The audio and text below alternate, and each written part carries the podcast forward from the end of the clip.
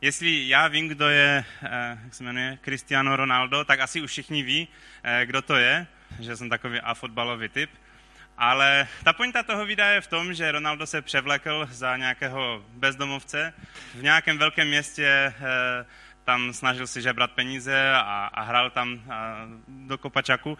A nejvíc mě teda se líbí úplně ten závěr, jak on tam baví s nějakým klukem a pak si svleče ty, ty věci a všichni uvidí, že to je Ronaldo a najednou, nevím odkaď, se vynoří davy lidí a všichni ho tam trhají a ochranku a může jít. A, a to video, které bylo tak staticky, tak najednou se tak všechno třepe. Všichni o něho mají zájem, chtějí podpisy.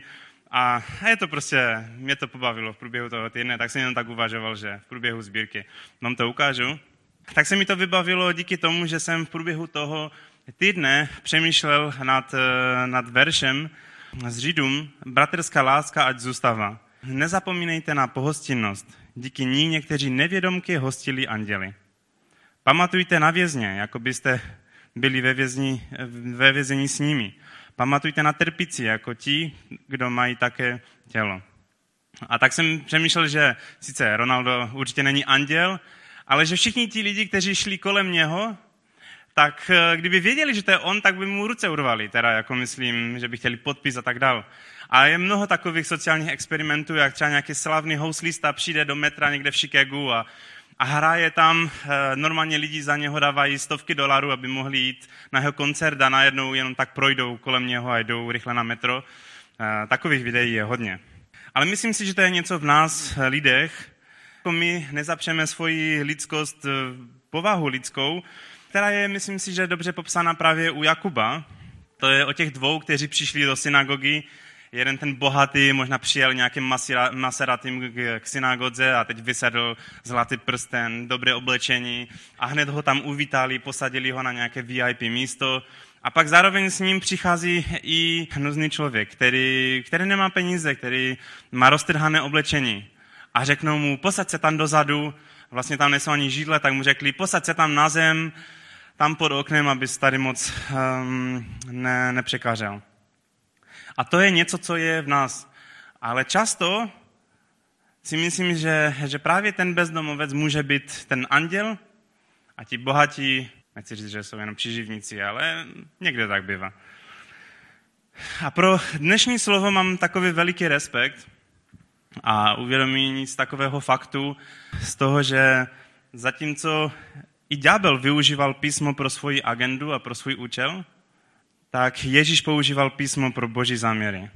A to znamená, že jeho verše nebyly vytržené z kontextu, protože Bible jako jenom nějaké verše jsou nedostačující, ale musí být vždycky vyvážené ve světle celého písma. A tak to je dneska moje touha, abych nevrval nějaké verše a použil si ji na svoji agendu, kterou bych chtěl říct. A můj touhou je, abych použil Boží slovo jako Ježíš v plném kontextu. Tak možná bych se i za to modlil.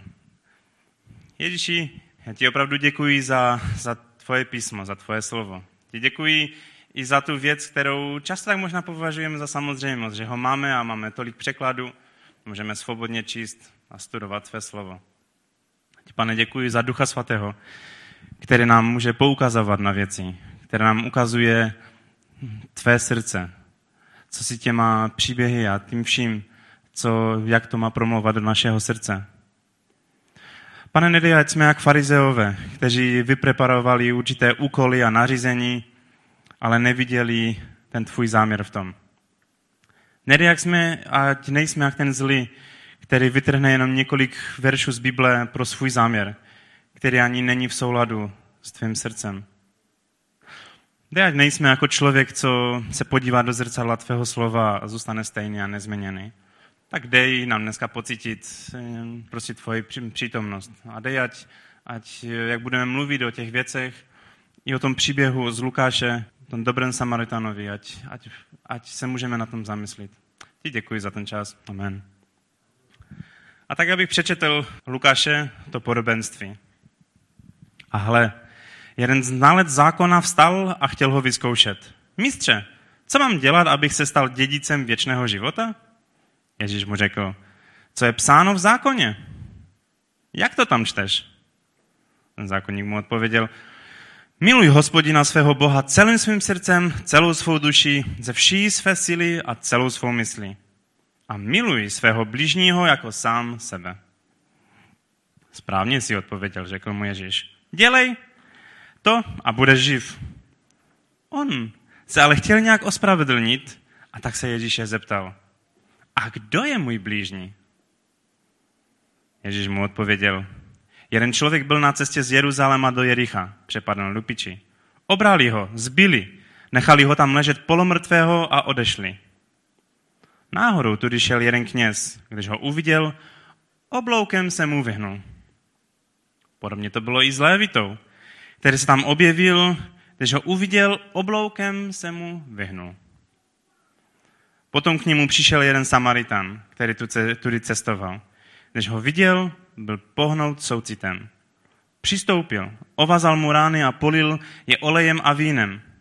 Naložil ho na svého meska, dovezl do hostince a postaral se o něj. Druhého dne vytáhl dva denáry a dal je hostinskému ze slovy. Postarej se o něj, cokoliv bys vynaložil navíc, to ti zaplatím, až se vrátím. Co si myslíš? Kdo z těch tří byl tomu přepadenému bližním? Ten, který mu prokázal milosrdenství, odpověděl ználec zákona. Jdi a jednej tak i ty, řekl mu Ježíš.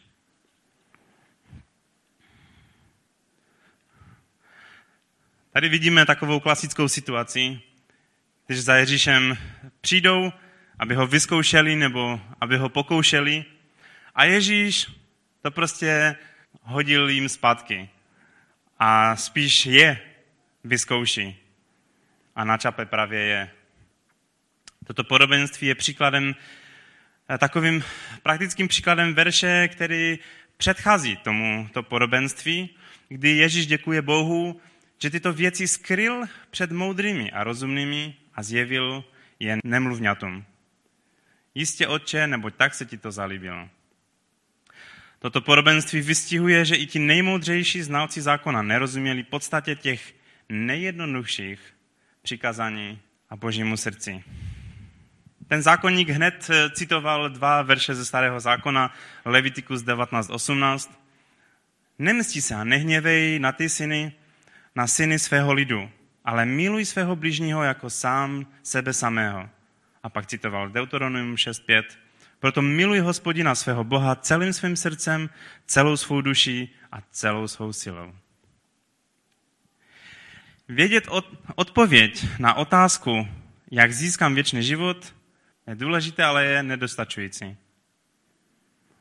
Musíme to činit, že znalost nám nestačí. Musíme to praktikovat. Ježíš v této lekci právníkovi ukáže, jak je vzdálený božím přikázaním. A já někdy, já nevím jak vy, ale já někdy čtu Biblii a na těch příbězích si sám sebe nachytám, že jsem v tom příběhu jako takový dobrý pozorovatel, vždycky na té dobré straně. Ne na té straně, kterou by Ježíš odsoudil, ale jsem takový dobrý přihlížející. Ale myslím si, že, že to není dobré a nechci si myslet, že jsem vždycky na té straně dobré, protože i my, já, mám sklony být právě jako ten kněží. Mám sklon být jako farizejc, mám sklon být jako někdy učedníci, kteří, který dá otázku úplně mimo mysl. Já si myslím, že naše první reakce je často strach a snaha se vyhnout. A ti, kteří si možná lépe pamatují, tak taťka právě kázal na toto kázání, eh, na toto téma podobenství asi v roce 2009 eh, a dal takový dobrý historický nástin, ale já bych to klidně ještě jednou zopakoval. Takový historický nástin. Cesta z Jeruzaléma do Jericha je asi něco málo méně než 30 km a převyšení je 540 metrů. To je něco jako, ti, kteří neví si představit tu dálku, tak to je asi něco, jak byste šli z Javorového do Karvine. To je možná dva kilometry víc. Ale není to celkem blízko. To převyšení asi by tež pasovalo plus minus. Až na ten rozdíl, že ta cesta z Jeruzaléma do Jericha nebyla taká pohodička, jak z Javorového do Karviny, protože byla nebezpečná. Já nevím, jestli byste šli z Javorového do Karviny, jestli vás někdo okráde, zmlátí a polozabije, ale tam to nebyla žádná výjimka. To nebylo nic výjimečného a proto lidi raději chodili ve skupinách A nebo jsem četl někde, že byla ještě nějaká jiná cesta, která byla ale vzdálenější a byla trošku bezpečnější. Každopádně tu postavu, co čteme, lupiči okradli, zranili, takže vypadal jako mrtvý.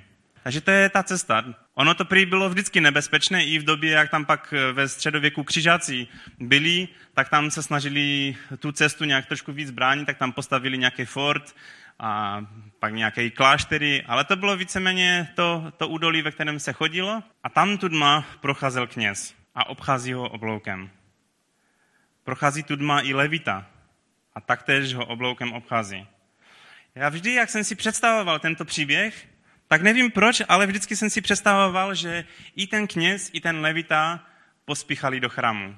Že pospíchali do Jeruzaléma, aby mohli sloužit eh, v chrámu. Tak jsem si představoval něco jak já. Úplně na poslední chvíli si ještě poznámky dopisuje a, a běží tam rychle a, a teď uvidí někoho a řekne si, a jejda, to už, to už nestihnu, tam na mě čeká tolik lidí, mám tolik povinností, kdybych se ho ještě náhodou dotknul, tak musím projít sedm dní eh, prostě několika denním očišťováním, určitě tady půjde někdo za chvilku, běžím dál. A tak jsem si to trošku ospravedlnil vždycky v mé hlavě. Já vím, že to je neospravedlnitelné, ale tak jsem si to trošku v mé hlavě vždycky tak eh, jakoby zracionalizoval. Bo jsem si to tak představoval, ale tam je zajímavá věc. Eh, ti, kteří to trošku více znáte, Jeruzalém je úplně nahoře a Jericho je dole. To je to převyšení, o kterém jsem mluvil. A z překladu ekumenického a Bible 21, eh, ani z kralického překladu vlastně, není jasné, jakým směrem šli, ale studijní překlad a Pavlíkův překlad tam zmiňuje jeden obrat, že sestupoval po té cestě. Čili ten levita i ten um, kněz sestupoval po té cestě. Takže logika je, jde se do Jericha, tak se co?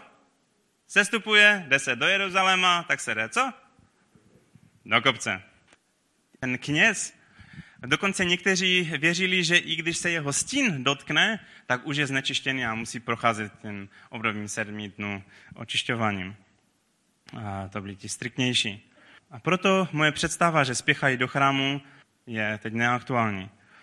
A oni, pojďme zpátky k tomu textu, kde, kde mluví s Ježíšem, Ježíšským zákonníkem. A po té bravurní odpovědi toho zákonníka, eh, jak získat věčný život, miluji hospodina svého Boha celým svým srdcem, celou svoji duši, ze vší své síly a celou svou myslí. Miluj svého blížního jako sám sebe. Ježíš mu říká, jdi a čiň tak. Ale on, něco, něco se v ním hnulo a chtěl se nějak ospravedlnit. A ptá se, kdo je můj blížní?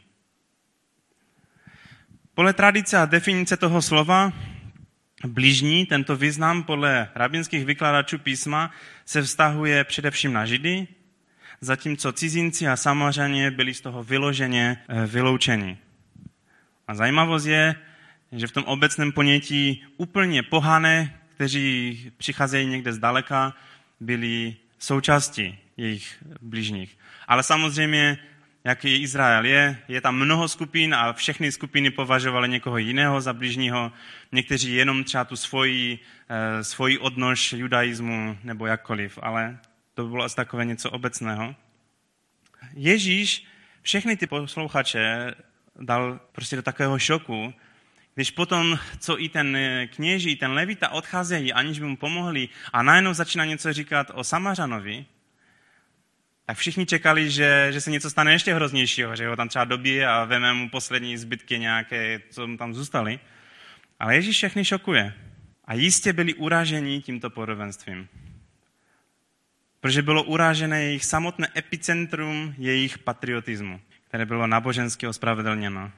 I když tento zákonník zcela určitě nenáviděl Samařany, tak v tomto příběhu musel uznat morální příklad toho Samařana. Ve snáze se ospravedlnit zákonník ukazuje svoji neupřímnost otázkou, a kdo je můj bližní? Přitom si myslím, že, že vlastně tou otázkou on se výjimul ze zodpovědnosti dalších. A správná otázka by byla, jak můžu být bližní? Taťka právě mluvil na, na toto téma, abych přečetl dva, dvě takové věty, které řekl. Lhostejnost si najde vymluvu, láska najde cestu, způsob, jak pomoct. A lhostejnost si najde vymluvu, láska najde cestu. A potom další. Nejde o to, kdo je pro mě blížní, ale zda já se chovám k lidem jako blížní. Stát se blížním. Levita a kněz se stali pro něj cizinci. Souhlasíte? I když byli teoreticky jeho blížní, tak se stali pro něj cizinci. A Samařan, i když byl cizí, tak se stal co? Blížní. Pro toho okradeného ten Samařan se stal blížní. Není to místo, národ, rasa, co nás činí blížními, ale láska, co nás činí blížními napříč místem, národy a rasami. A Ježíš dokonce jde ještě dál. To je úplně nepochopitelné. Milujte své nepřátele. Dobře čiňte těm, kdo vás nenávidí. Žehnejte těm, kteří vás proklínají. Molejte se za ty, kteří vám činí přikoři. A kousek dál, Lukáši. Ale milujte své nepřátele a čiňte dobře. Abych se přiznal, jak někdy čtu dějiny třeba Turecka, tak často s tímto národem, eh, nechci říct, že mám problém, ale je to takový oříšek a, a modlím se za tento národ, který opravdu potřebuje Krista. Ale třeba moc lidí to ani neví. Třeba v roce 1915 byl obrovská genocida Armenů. Asi milion a půl Armenů zemřelo. A dodnes to Turci popírají a v Turecku je dokonce nelegální o tom mluvit. Pokud o těchto věcech mluvíte, tak skončíte ve vězení. To je asi, jak kdysi se nesmělo mluvit o Katyni nebo nic takového. Nebo i násilnosti na Kurdech z rukou Turku. Jejich vraždění a tak dále.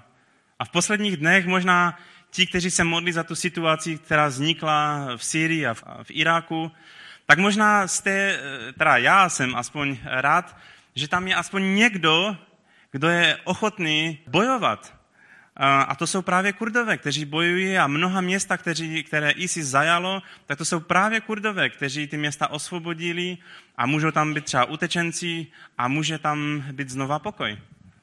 Ale co? Turci se rozhodli bombardovat jejich pozice. A já teď nechci mluvit o politice, to ne. Ale že je to takový určitý národ, nechci říct, že to jsou pro mě samařané, to absolutně ne. Ale že jsem od nich nečekal nic, nic dobrého teda, Až mě šokla jedna zpráva, kterou jsem viděl. Tady tento pár, který, který se, se ženil, se rozhodnul, protože bydleli ve městě, kde byl utečenecký tábor, kde je asi 4 000 lidí, právě těch Syřanů a, a lidí z Iráku, že je pozvou na svatební hostinu. Tak když já jsem se připravoval na svatbu a plánovali jsme věci, tak i když se modlím za utečence, i když se modlím za, za věci misie, tak musím se přiznat a stydím se, mě by něco takového nenapadlo. Prostě zajet třeba někde tam do Suche, kde je ten utečenecký tábor a všechny je pozvat, pojďte, bude do zidla, bude sranda. A tady títo muslimové, teda nejspíš, uh, jo, mi dali takovou facku, jak Ježíš dal těm zákonníkům, jak ten samařan je takzvaně vyškolil. Mě opravdu vždycky fascinuje, jak Ježíš má neskutečnou schopnost vystihnout jádro věcí a postavit to úplně jinak, než lidé očekávali. A to bych mohl mluvit příběh za příběhem. A tak jsem v průběhu toho týdne přemýšlel, jak by Ježíš odpověděl na naši otázku. Kdyby třeba přišli nějací vedoucí církve a vedoucí vlády a, a, a tak dál a zeptali se na určité ožehává témata. Co si myslíte, jaké téma by se ho zeptali? Co je dneska ožehavé téma? Ví někdo? Jo, slyším to, utečenci. Já teda nečtu noviny papírové, bo se mi nechce utracet peníze a šetřím ekologii. Ale jak si na mobilu někdy otevřu třeba zprávy, tak se mi vždycky stane, že aspoň jedna z těch čtyř, co tam mám na té úvodní stránce, se týká utečenců anebo války eh, spojené právě s utečenci. Jednou dokonce všechny čtyři zprávy měly toto téma. A je to velmi aktuální téma.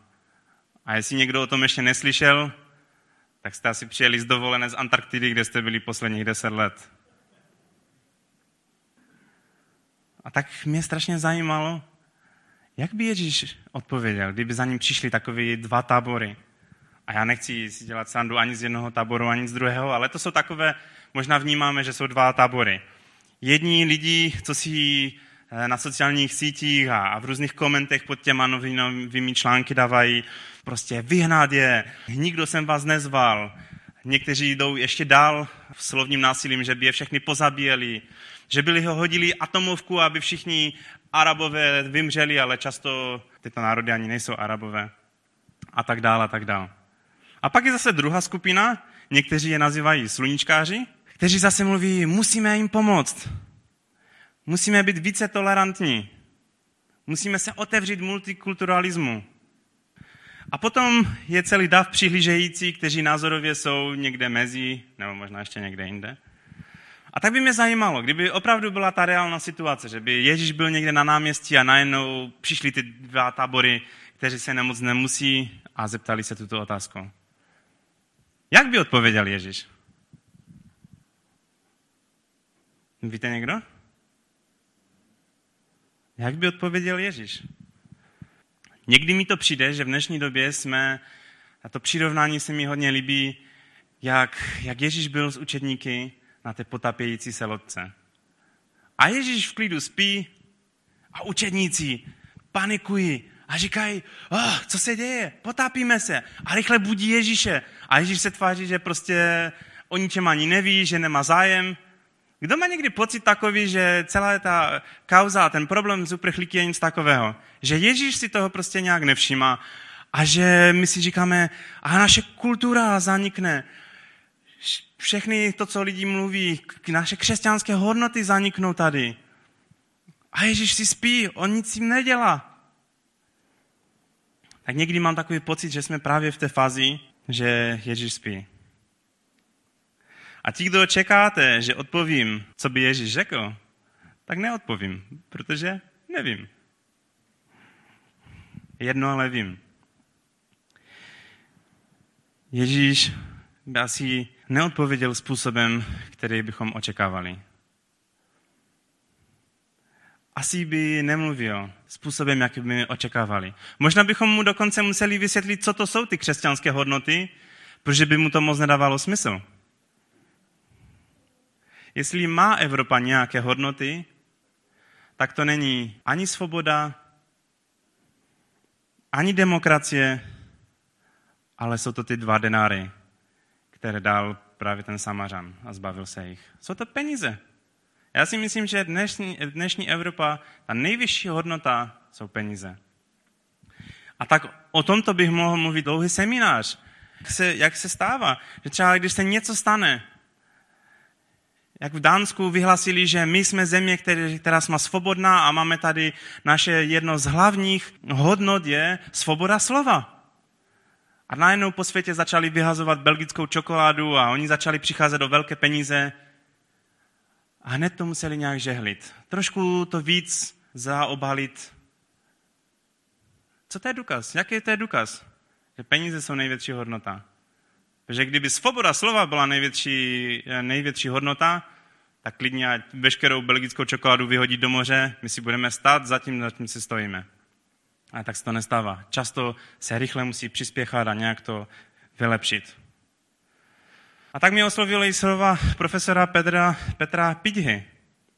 On říká, že dnešní společnost je hromada rozhadaných sobců. Hovoříme o míru, chceme ho bránit, sami ho ale nemáme. Ani v sobě, ani mezi sebou. Zapomněli jsme, že život je láska a láska je oběť. Život bez nich nedává smysl. A tak nevím, co by Ježíš řekl na tu otázku, jak by o Ježíš odpověděl. Tak se mi líbilo v poslední době kázání VIED. Co Ježíš činí? To bylo kázání v jeho šlepějích, anebo, anebo co Ježíš činí. A co Ježíš činí? Co vidíme, že, že Ježíš činí? Bible je napěchovaná imigrací, emigrovaním a tím vším. Jaké první emigrování? Už Adam s Evou musí utíkat z té země, do které byli daní a musí utíkat. Je to často důsledek hříchu, ale často je to důsledek božího velení. Útěk Kaina, po tom, co zabil Abela, musel utíkat. a hledal místo, kde by mohl se znovu usadit. Migrace po potopě. Každý bratr jde někde jinde. Migrace po, po věži Bábel. Abraham měl status věčného uprchlíka. On furt někde chodil, jednou v Egyptě byl, jednou tam a jednou onam. A furt hledal to svoje místo. Jozef a jeho otroctví. Exodus za Mojžíše. Migrace Židů do zajetí Asyrie nejdříve a potom do Babylonu, jak byli odvedeni jako otroci. A neboli pronásledování prvních křesťan a jejich migrace do celého světa. Já věřím, že Bůh pracuje v dobrých časech, ale i ve zlých časech a těžkých časech. On není strujcem zla, ale použije zlo a špatnost jiných, aby naplnil svůj plán spasení. Bůh může i špatnou dobu, špatné plány, špatné rozhodnutí změnit na svůj plán spasení. Je faktem, že lidé jsou daleko více otevřenější na Boha v době příkoří a změn. To jsou takové dvě věci, které člověka činí daleko více otevřenějším na, na nějaké nové impulzy. A uprchlíci sdílí kolik z těchto hodnot? Obě. Je to pro ně období velikých změn a je to veliké období příkoří. A jestli je nějaká hlavní věc, co mě hodně zasáhla na místní konferenci, která už byla říjnu, jmenovalo se to Příliv imigrantů do Evropy, hrozba nebo příležitost, to je právě verš ze skutku 17.26. Ustanovil všemu lidstvu nařízená období a hranice jejich přebyvání, aby hledali Boha. Zda by jej snad mohli dotknout a nalézt ho. A přece není od nikoho z nás daleko. Mě hodně zasáhnul jeden příběh. Mluvil ho misionář v Afganistánu, který byl dlouhá léta. A on, on říkal, že se, že se modlili, že se modlili za jeden národ, který byl prostě pro ně nedostupný. Byl vysoko v horách, dostat se tam by člověk museli před území Talibanu, kde by bílý člověk hned zemřel. A modlili se za to a nevěděli, jakým způsobem tam přijít právě mezi tento národ. A dlouhou dobu se tak snažili. A najednou jedna spolupracovnice eh, zpátky v Evropě mu jednou řekla, my máme nové sousedy a oni pocházejí z nějakého, nějakého zvláštního národa tam někde v Afganistánu. A to byl přesně ten národ, za který oni se už dlouho modlili. Není to fascinující? Místa, na které bychom se nedostali tak jednoduše, bychom museli cestovat a ani bychom tam nejspíš nedocestovali, tak najednou vylezeme a v papučích můžeme jít k druhým dveřům, zaklepat a právě jsme překořili mnoho řek, velkých hor, nepřístupná místa a můžeme mluvit s lidma, kteří pocházejí právě z toho národu, kteří nikdy neslyšeli evangelium. Není to fascinující? Zajímavá věc je, ohledně třeba Tajvanců, jsem někde vyčetl, že jenom 2% Tajvanců jsou křesťané. Ale hádejte, kolik procent Tajvanců v Americe, těch imigrantů, jsou křesťané. Minimálně 30%. 2% versus 30%. A je mnoho příběhů o imigrantech, kteří šli za lepším blahobytem třeba do Spojených států. A ty statistiky mám zrovna tam. A ti lidé pracují 12 hodin denně. Bez času na rodinu, na děti, zapomínají na svoji zem a ptají se, kde je naše naděje? Kdo bude náš blížní? Mám tady dva příběhy, které jsou pravdivé. Fátima přišla do Spojených států pět let tomu s jedenácti dětmi. Její manžel zemřel. Dlouhá léta strávila po různých utečenských táborech, kde život byl velmi těžký.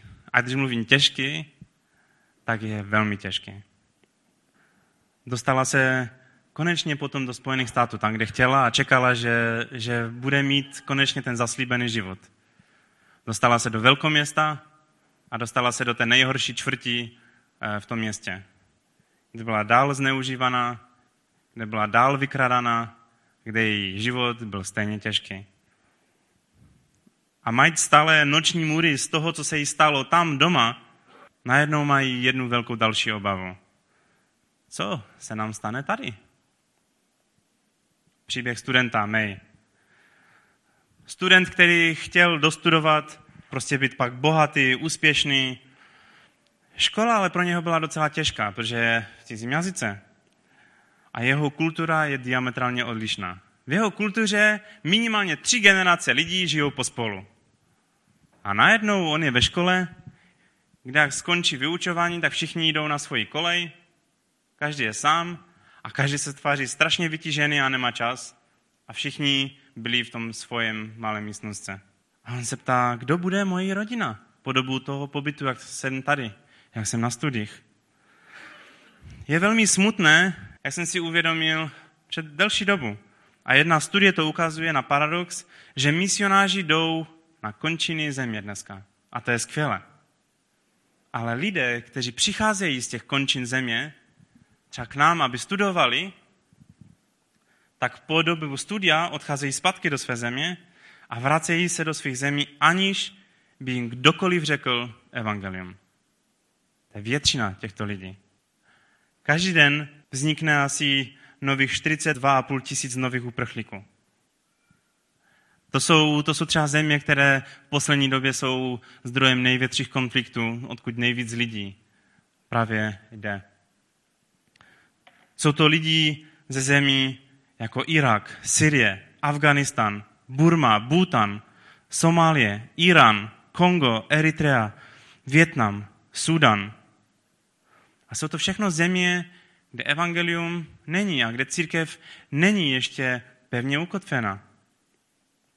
Třeba mezinárodní studenti v USA, mám teda pouze statistiku z roku 2010 až 2011, do Spojených států přišlo studovat 150 tisíc Číňanů, 103 tisíc Indů, 25 tisíc Tajvanců, 22 700 eh, lidí ze Saudské Arábie, 22 tisíc Japonců, 12 tisíc Turků, 10 tisíc Nepálců, 5600 Iránců, 5000 Pakistanců a celosvětově se odhaduje na 3 miliony studentů, kteří studují někde jinde.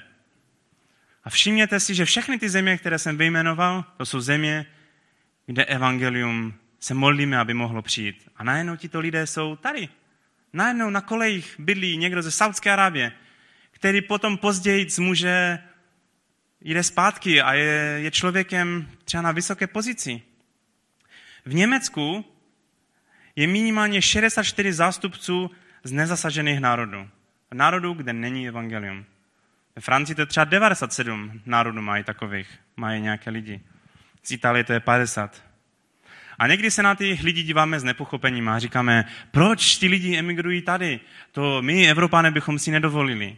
Ale připomeňme si, že i tady v Evropě byly velké, velké um, migrační problémy a, a třeba i v době industrializace do Ameriky odcestovalo 4,5 milionu Irů, jenom v době industrializace. 4 miliony Britů, 6 milionů z oblastní dnesního Německa, 2 miliony Skandinávců, 5 milionů Italů a 8 milionů dalších lidí jako Poláků, Ukrajinců a tak dále.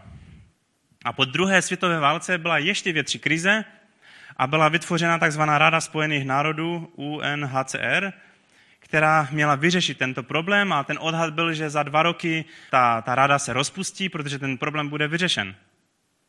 Rozpočet, který měla hned po druhé světové válce, byl nic s porovnáním, jaký rozpočet má dnes. Dneska oni mají, teda dva roky tomu měli rozpočet 130 miliard korun. Většina z těch, co přicházejí jako uprchlíci, jsou velice nábožensky založení lidé. Poslechněme si ještě několik příkladů. Quasi opustil Pakistan ve věku 25 let, aby získal v Evropě titul PhD. V Nizozemsku ale uvěřil. Potom, co mu jeho spolužáci svědčili o Kristu.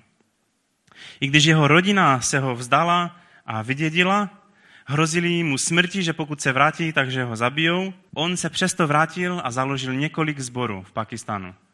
Ale potom, co ho pakistánská vláda mu několikrát opakovaně řekla, že na jeho život je připraven atentát, ho vyhostila, tak teď pracuje v Torontu, kde právě pomáhá lidem, jako byl kdysi on. Neslyšel nikdy o Kristu. Nebo svědectví Bakr Singa, Přišel do Kanady studovat inženýrství, zpřátelil se s křesťany a uvěřil. Vrátil se do Indie a důsledkem jeho služby bylo založeno víc jak 700 zborů v Indii, v Pakistanu a na Sri Lance. Tam, kde bych já šel a učil se jejich místní jazyk pět let a celý těch pět let bych se musel opalovat, abych vypadal jak místní, tak on přijde a může mluvit jejich jazykem evangelium. A mohl bych mluvit příběh za příběhem, jak lidi z oblastí, kde není evangelium, přišli na studia nebo za práci a stali se pak evangelisty a šli zpátky do své země, kde já jako Evropán bych jen stěží mohl jít. Ano, ten verš je velmi silný. Ustanovil všemu lidstvu nařízená období a hranice jejich přebyvání, aby hledali Boha, zda by snad mohli ho dotknout a nalézt ho. Tak jsem mu říkal, soucit a láska vždy najde cestu. A někdy nemusíme být nějací specialisté a odborníci. Nemusíme pracovat pro nějakou organizaci, která se tím zabývá. Já nevím, já nejsem zdravotník, ale přišlo mi trošku takové vtipné, že ten samařan mu na ty rány polil víno a olej. To asi není ta první věc, jak přijdete a havarujete někde, že vám v nemocnici lejou olej a víno. V té době to bylo asi, věřili, že to pomáhá, možná to opravdu pomáhá, ale je to důkaz takový, že on v té své prostě chtěl pomoct, tak tam nalil víno a olej. To mi trošku připomíná moje snahy pomoct lidem, kteří potřebují pomoc. Jednou jsem přemýšlel, jak pomoct třeba Větnamcům, kteří žijou v hodně uzavřené komunitě tady v Česku. A tak mě nenapadlo nic jiného, než že je budu učit česky. Sami slyšíte, že moje čeština silně pochulhává. Ale jsem si říkal, proč ne? Tak jsem začal učit prvního takového Větnamce a on se pak, eh, jsem měl několik lekcí s ním a, a většinou to bylo tak, že oni potřebují se naučit jenom na nějakou úroveň A1, aby mohli dostat nějaké víza. No tak jsem prostě s nima byl a můj cíl byl i pro ně být světlo a prostě jim natáhnout tu pomocnou ruku. Být pro ně bližní. A pak přišel nějaký jiný a on nechtěl eh, vízum, ale on chtěl občanství jsem nevěděl, jakou tu úroveň těch testů tam se vůbec dělá a nemohl jsem to nikde na internetu najít. Tam mi nenapadlo nic jiného, že zavolám na ministerstvo vnitra, abych se zeptal, jako jak to vlastně je. Jakou tu úroveň člověk musí splňovat, aby mohl eh, požádat o občanství. A tak jsem mluvil s nějakou takovou milou paní a ona se mě ptala nějaké otázky, mnoho těch otázek se mě ptala. A po asi 15 minutách našeho hovoru mi řekla, pane Vojnar, ta vaše čeština zase není taká špatná. Vy byste ty zkoušky možná mohl zvládnout. Mě to trošku zarazilo a řekl jsem mi, ale já jsem učitel. Já učím Větnamce, kteří se potřebují naučit česky. A ona říká, pane Vojnár, já už tady pracuji 25 let, já ukrajinský přízvuk poznám bezpečně. To moje učení češtiny bylo asi jak ten olej a víno do té rany. Se třeba líbí, jak ten německý poslanec se v kostele setkal s dvěma uprchlíky. Mluvil s něma a zjistil, že nemají ubytování, tak je pozval do svého domu, ať s ním bydlí. Klobouk dolů. Já si myslím, že je na nás, abychom pomohli. A je mnoho možností, jak pomoct třeba lidem ze Syrie a Iraku. Třeba teď je možnost pomoct těm, kteří hledají ubytování. Jsou to eh, křesťané, kteří byli pronásledováni v Syrii a Iraku a je možnost se i do toho zapojit, nabídnout ubytování. Nebo mě třeba byl z jezídama v jednom utečeneckém táboře a já, oni nemluvili anglicky a určitě nemluvím jejich mluvou a tak nabili čaj a bylo to strašně milé setkání. A nakonec mi pustili jejich svatební video, ten jeden kluk. A to bylo třihodinové nebo čtyřhodinové video, a vlastně celá ta šíže toho videa byla jejich svatební tanec. Ten byl asi ze 300 nebo 400 lidí, stálo v kruhu a dělali tak. Tři hodiny v kuse. Jo, to je to víno a ten olej asi do rany. Ale měli jsme dobrý čas. Mě velmi potěšilo, jak třeba jsem měl na naštěvě jedny muslimy, přišli k nám a říkali, jsem se ptal a říkali, jo, jsem muslimové. Na druhé náštěvě řekli, my hledáme Boha. A bylo vidět, že Allah to není. A na třetí náštěvě někdo jim pustil film Ježíš a mluvil s nima v jejich místním jazyce. A oni uvěřili. A on řekl, já jsem tvůj bratr. Neskutečná radost. Genesis 12.3. V tobě budou poženány veškeré čeledí země. Slyšeli jste? Skrze nás mají být poženány všechny národy země. Evangelium má být hlásáno všem národům, protože jsi byl zabít svou krví, si vykoupil Bohu lidí z každého kmene, jazyka, lidu a národa. Potom jsem spatřil veliký zástup, který by nikdo nemohl sečíst ze všech národů, pokolení a lidí, ze všech jazyků. Jak stojí před trůnem a před beránkem oblečení do bílých hrouch. Dneska máme ještě 6600 národů, kteří jsou ve skupině tzv. UPG, neboli nezasažených národů, kteří, kteří nemají přístup k evangelium. A dneska jsem vám přinesl i takovou nabídku, kdybyste se chtěli modlit za některé ty právě národy, které nikdy neslyšeli evangelium, tak třeba tady vám můžu dát náramek, jestli řeknete, že se budete modlit za ty národy, si můžete třeba vybrat jeden, se budete modlit, tak vám dám ten náramek, aby vám to připomínalo. Tady jsou třeba některé konkrétní země, třeba Syria, Irak, Afganistán. A tady je takový modlitební průvodce. Kdybyste chtěli v tom týdnu se nějak modlit za některé nezasažené národy, můžete pak přijít po zhromaždění a vzít si nějaký náramek i ten modlitevní průvodce. Ale kdo je můj blížní? A my nejsme hloupí a nebuďme hloupí. Zcela určitě vidíme snahu toho zlého. Nemluvím tady, že bychom, že bychom měli podporovat snahu islamizovat Evropu a otevřít se do kořán. Netvrdím, že uče, utečenci jsou dobří lidé. A také netvrdím, že jsou zlí. Jsou mezi nimi zlí i dobří. Taky toho zbitého, který tam ležel a byl skolo mrtvý, taky nečteme popis, jestli to byl dobrý člověk anebo špatný člověk. Ale myslím si, že to není zrovna to podstatné. Já si myslím, že bylo dobré a je dobrý čas, abychom se mohli modlit za ty, kteří vedou naši zemi. Abychom se mohli modlit za, za kontext, ve kterém žijeme, i za Evropskou unii, za, za některé ty rozhodnutí, které jsou. Ale ať situace dopadne jakkoliv. Moje výzva je, buďme bližním lidem kolem nás. Rozhodněme se být blížním i pro utečence. Rozhodněme se být blížním pro muslimy. A někdy to je opravdu radost mluvit s muslimem a vidět jeho hlad a hledání Boha. Ať je nám tento pohrdaný samařan vzorem.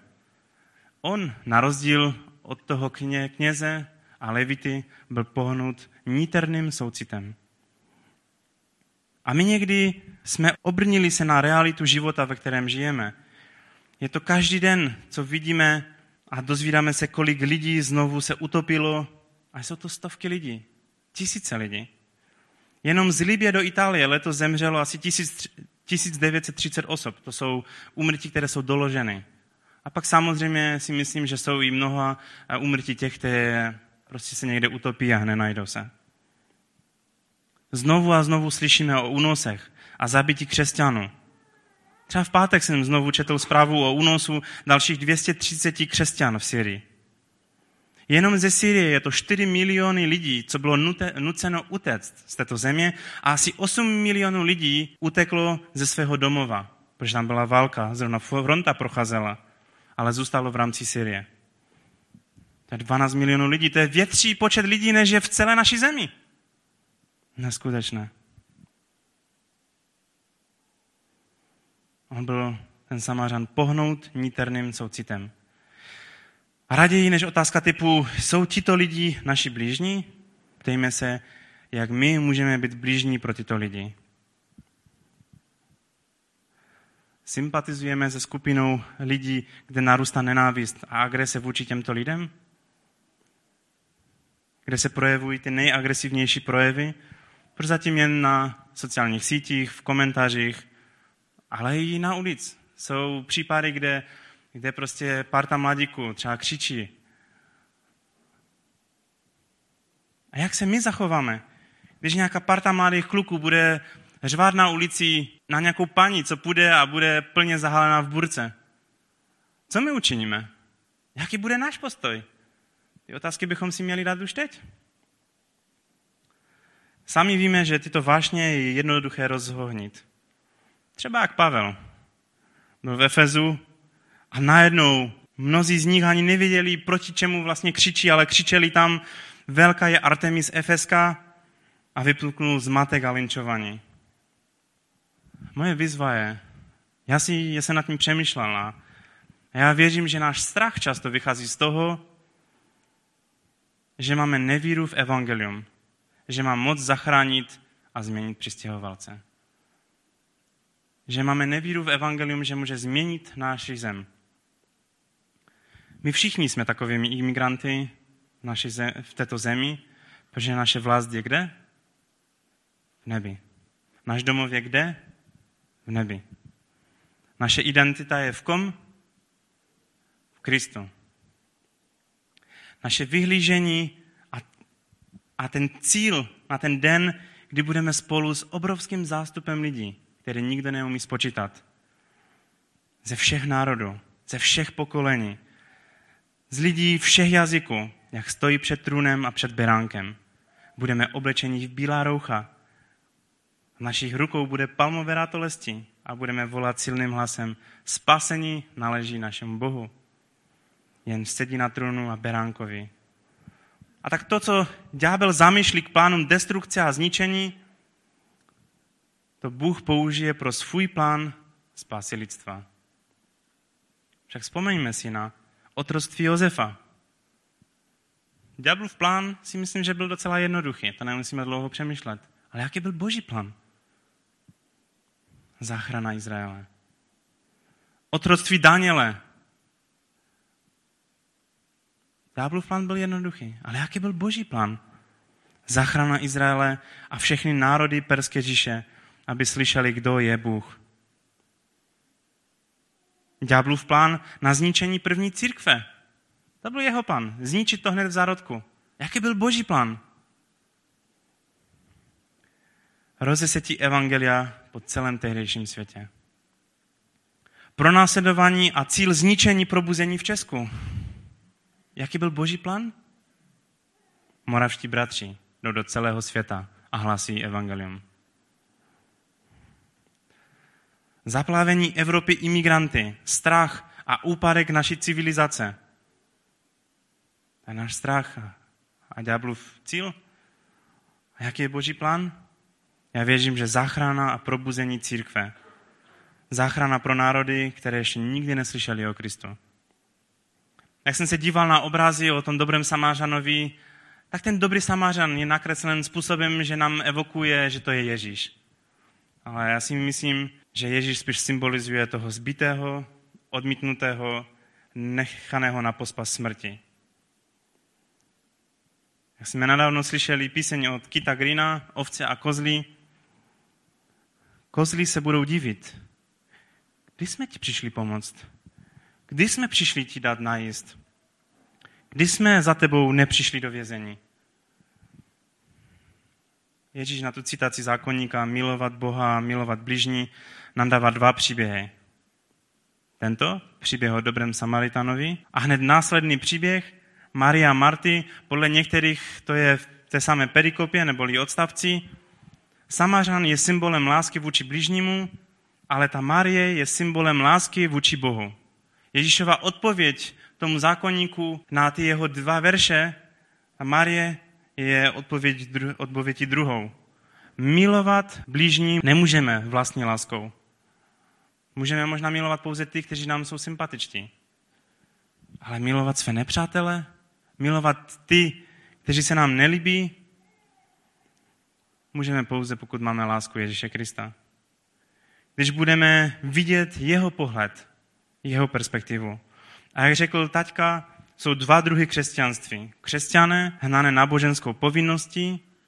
Co musím dělat, abych byl považován za dobrého křesťana? A pak křesťanství hnané láskou k Bohu a láskou k bližnímu. Co můžu udělat pro Boha a pro svého bližního, abych dal průchod lásce, která je ve mně? Tak jsem tady jednou říkal citát Rolana Alena. misijní zápal neroste z duševního přesvědčení ani z teologických argumentů, ale z lásky. Kdo je láska? Vždyť láska je z Boha. Kdo nemiluje, nezná Boha. Vždyť Bůh je láska. Abych zakončil modlitbou. Ježíši, my toužíme být jako Marie, která seděla u tvých nohou. Nechceme mít svůj názor, ale chceme čerpat u tebe. Nechceme mít láskou tu světskou, o které mluví tento svět, ale chceme mít lásku tvoji, že ty jsi láska. Nechceme se dívat na co, z čeho se strachuje tento svět, ale chceme se dívat VJD, co ty činíš. Je pro nás pozbuzením vidět, že nejrychleji zrostoucí sbory v Evropě jsou právě mezi cizinci, mezi Iránci, mezi Nigerijci a dalšími cizinci. Ukazuj nám odpověď na tu otázku, kterou se dneska ptáme. Kdo je náš blížní? Jaký postoj bychom měli mít? Nedej, se řídíme jenom tím, co je pro nás dobré, co z toho budou mít. Ale tak Samařan dal prostě velkou spoustu peněz a neptal se, co z toho bude mít. I když stát by selhal, Evropská unie by selhala a dostali by se tady lidi, kteří tady třeba nemají co dělat, nějací ISIS bojovníci, já nevím kdo všecko. Já ti děkuji za to, že to by se nic z rukou nevymkne. Že právě tito lidé můžou se setkat s tebou, pane.